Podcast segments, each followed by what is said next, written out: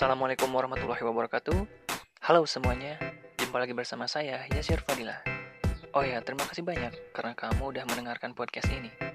Senang bisa ketemu kamu di sini dan saya ingin berbagi tentang tips pengembangan diri, karir, skills, atau cara yang bisa membuat kamu menjadi lebih baik. Karena saya tahu kamu punya potensi. Mari kita mulai.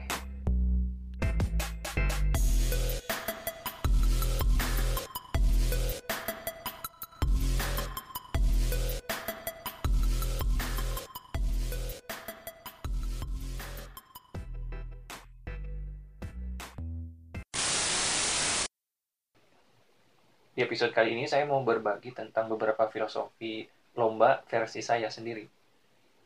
Karena buat saya lomba-lomba itu punya filosofinya masing-masing. Yang pertama panjat pinang, kental banget dengan momen kemerdekaan. Lomba ini benar-benar menguras tenaga. Kamu pasti bisa tahu gimana rasanya jadi pemanjat pinang. Atau kamu udah pernah ngerasain sendiri? Menurut saya, filosofi panjat pinang itu tentang satu tujuan yang diperjuangkan bersama akan beda hasilnya ketika didapatkan sendirian.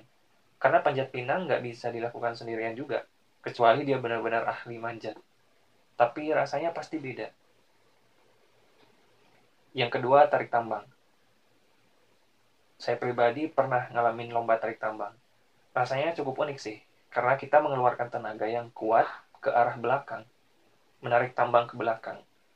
Artinya yang menang adalah yang mundur lebih jauh Filosofinya adalah tentang kemenangan yang nggak selalu didapatkan oleh mereka yang terus maju. Kadang kita harus menarik mundur badan kita ke belakang untuk merenung dan memikirkan solusi yang lebih baik. Kita bisa menang melawan kondisi yang buruk, meskipun sempat mengalami kemunduran. Yang ketiga adalah balap karung. Balap karung juga nggak kalah seru, karena kita harus balapan sambil lompat-lompat dengan setengah badan kita di dalam karung. Sering juga yang sampai jatuh-jatuh. Karena emang susah ya, kecuali udah tahu triknya. Filosofinya adalah tentang berjuang mengalahkan keterbatasan. Meskipun ruang gerak kita dibatasi, tapi kita nggak boleh diam dan menyerah. Kita tetap bisa berjuang dalam keterbatasan. Nah, coba kita terapkan di kehidupan kita saat ini. Kita bisa berjuang bersama menuju satu tujuan yang sama, yaitu kesehatan dan keselamatan keadaan memaksa kita untuk menarik mundur diri kita dari kerumunan. Tapi gunakanlah waktu itu untuk berpikir mencari solusi. Setelah itu bergeraklah semampunya.